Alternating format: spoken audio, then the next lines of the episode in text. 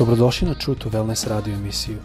Da saznate više o nama, posjetite naš website truetowellness.com. A sad, vaš domaćin, dr. Todorović.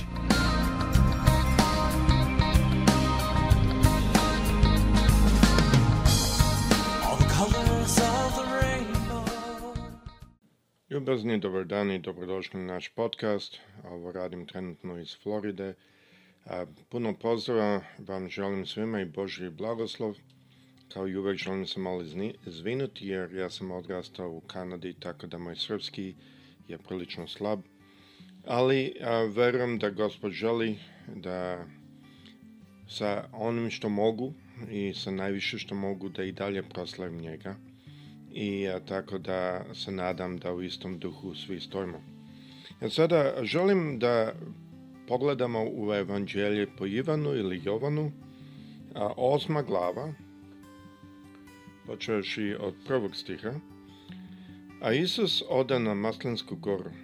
Rano ujutru dođe opet u hram i sav narod pohrali ka njemu. On sjede i počeše ih učiti. Sa treći stih kaže, tada pismoznanci ili saduseji i fariseji dođeše, dovedoše ženu zatečenu u preljubi Postavši pa je u sredinu i rekoše mu, učitelju, ova je žena sada zatečena u preljubi. Mojsije nam je zapovedio u zakonu da takve kamenemo. A šta ti veliš? Tim pitanjem tedoše da ga iskršaju da bi ga omogli optužiti. Isus se sagnu i stade pisati prstom po zemlji.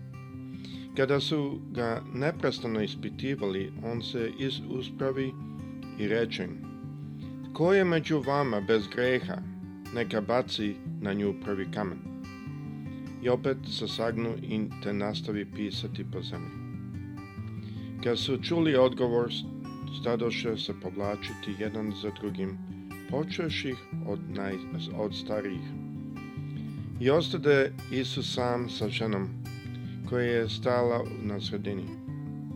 Isus se uspravi i upita, ženo, da su oni, dakle? Niko te ne osuđuje. On odgovori, niko gospodine.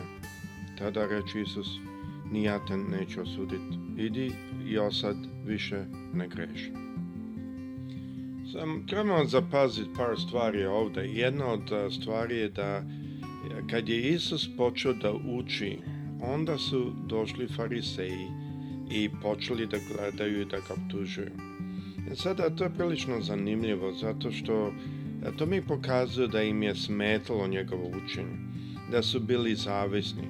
Znamo na drugom mestu da piše da e, se narod iznenadio, nije učio kao, druge kao što su saduseji i fariseji, nego kao neko ko ima vlast – Tako da vidimo da je bila jedna razlika u načinu na koji je Isus učio a, svoje učenike i narod i način na koji su Saduseji i Fariseji učili.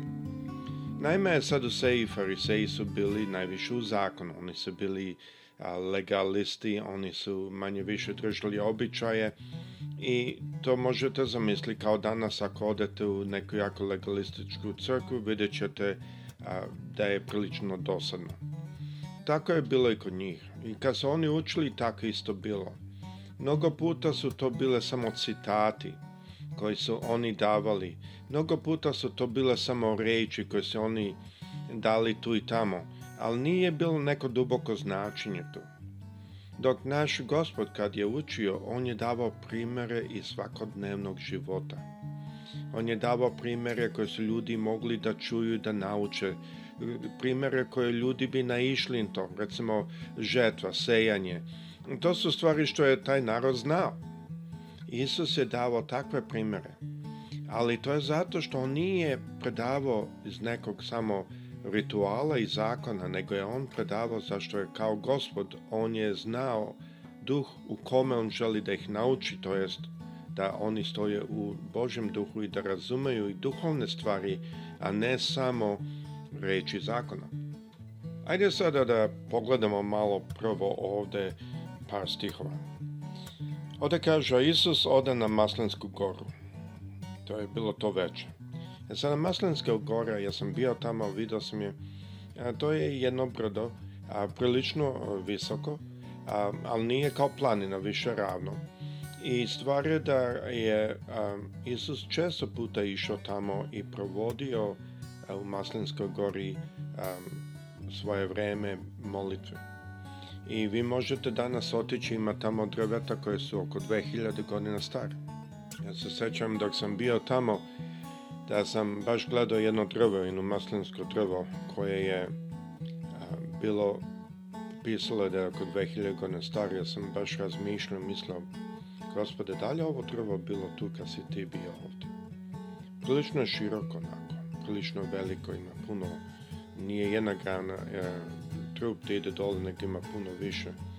Ja sam baš razmišljao, gospode, da li je to bilo tu, možda neko malo drugo, kad si ti prošao pored toga. Ali on je često provodio vreme tamo moleći se. I onda ujutru je došao nazad u hram. Tu možete da vidite da je on uvek bio za Ham, on je uvek bio i želao da bude u Hamu. Čak znamo kad je bio 12 godina star, da je već bio u Hamu tada. Tako da vidimo njegov stav i njegov pristup. I a, naišli su fariseji i rekli su mu učitelju, za neka koje ne žele da ga čuju i slušaju dok uči, za neka koji su zavidni dok on uči, to je prilično licemrno da ga tako zovu ali oni su hteli tako da bi ga prevarili. Oni su doveli ka njemu ovu ženu koja je bila uhvaćena u aktivnoj preljubi.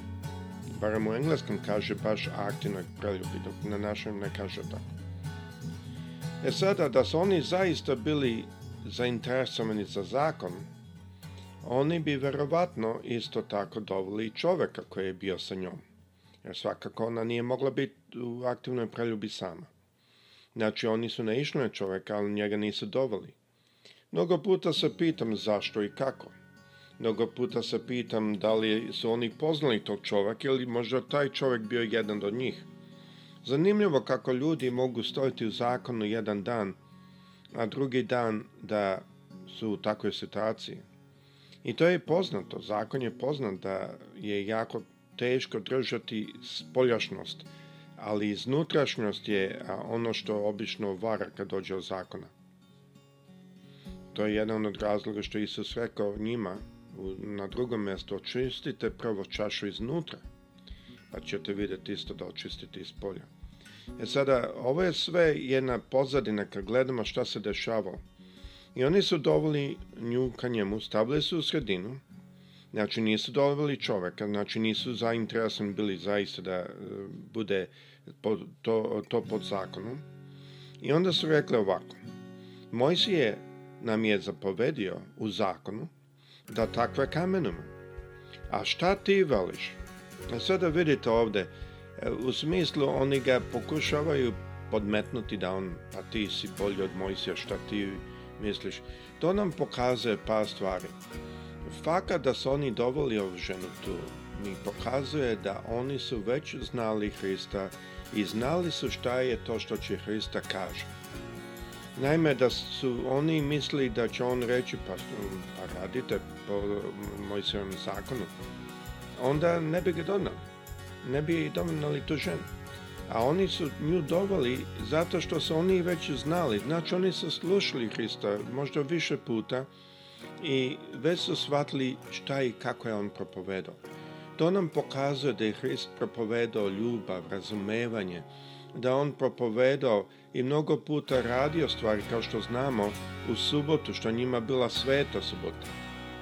A sad ja vam mogu reći, kad sam ja bio tamo, a, subotom čak i lift će stati na svaki sprat, tako da oni ne bi morali prstom pritisnuti dugme na koji sprat da idu.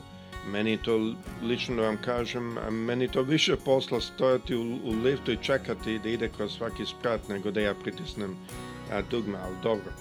Tako je zakon mnogo puta kad se prati ne pravi smisao.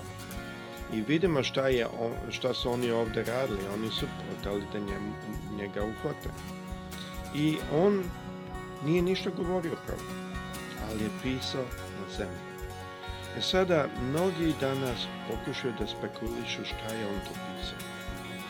Svakako verujemo da nešto što je on pisao je svakako imalo uticaj na njih. E sada, šta bi imalo uticaj na njih? Pa da kažemo možda njihovi greci, možda imene, imena osoba koje su s kojima su oni grese, grešili, možda neki tamo da su bili i mušterije, E, ova osoba, ne znam. A, e, možda je pisao nešto iz njihovih života. A, e, neki čak očekuju da je, je pisao lično šta je ko grešio a, za, za te ljude što su bili tu. Mi ne znamo šta je on pisao, ali vidimo da je nešto pisao na zemlji i nije odgovorio. Zašto nije odgovorio? Val, on je vidio duhu kome su oni došli. Nije sam on plašio njih. Nemojmo to misliti na sekundu ali on je vidio duh u kome su oni došli i on nije odgovorio jer su htjeli da ga izazovu. Tu možemo naučiti isto jednu lekciju, ja ću nastaviti i u drugoj epizodi malo više o, o ovom slučaju, ali tu možemo videti jednu lekciju, kada neko dođe ka nama u pogrešnom duhu, kad neko dođe ka nama i hoće da nas izazove, šta možemo naučiti od Hrista, šta je Hrist radio? On je samo sedao na zemlji i pisao. I pisao. Mi ne znamo što je pisao, znamo da je, da je izbegavao da se umeša u takav razgovor. Nije da on nije mogao. I kada se umešao, on je rekao ovako, tko je među vama bez greha, neka prvi baci na nju kamen. Zanimljivo da je on tako rekao. On, oni su očekivali da će on reći, pa morate pustiti, ili da treba da se prati Mojsijev zakon. Oni su znali već njega, oni su znali da on držao ljubav, on je, da je držao i propovedao razumevanje, ljubav i, i takve karakteristike, tako da mi znamo i očekujemo da su oni već očekivali da on neće reći da rade po Mojsijem zakonu. A drugo, pod rimskom upravom oni nisu smeli da ubiju osobu, tako da bi tu isto imalo problem da, da ispadne da je on hteo da se ubije neko. Ali mi znamo da to baš nije duh, duh e, Hristov. E sada, posle toga što vidimo da je on, kad im rekao, one koji bez greha neka baci na nju kamen prvi, ljudi su počeli da bacaju kamenje na stranu, ne na nju. I polako su se razilazli. Zašto? I zašto stariji prvo? Ste ikad razmišljaju o tome? Zašto su prvo stariji odlazili?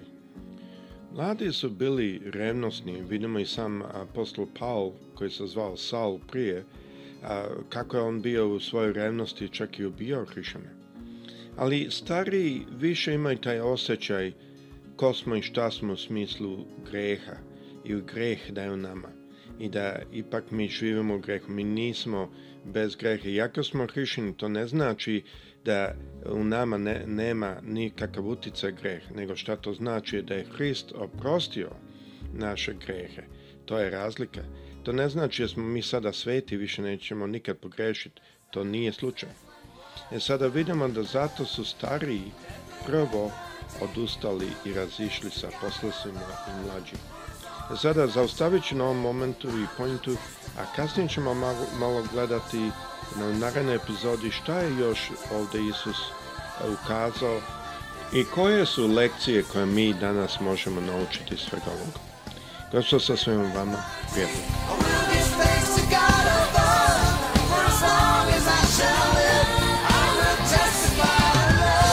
Slušate True to Wellness radio emisiju. Pridružite nam se ponovo svaki utorak četvrtak i subotu. Za kontakt molimo posjetite naš website truetowellness.com.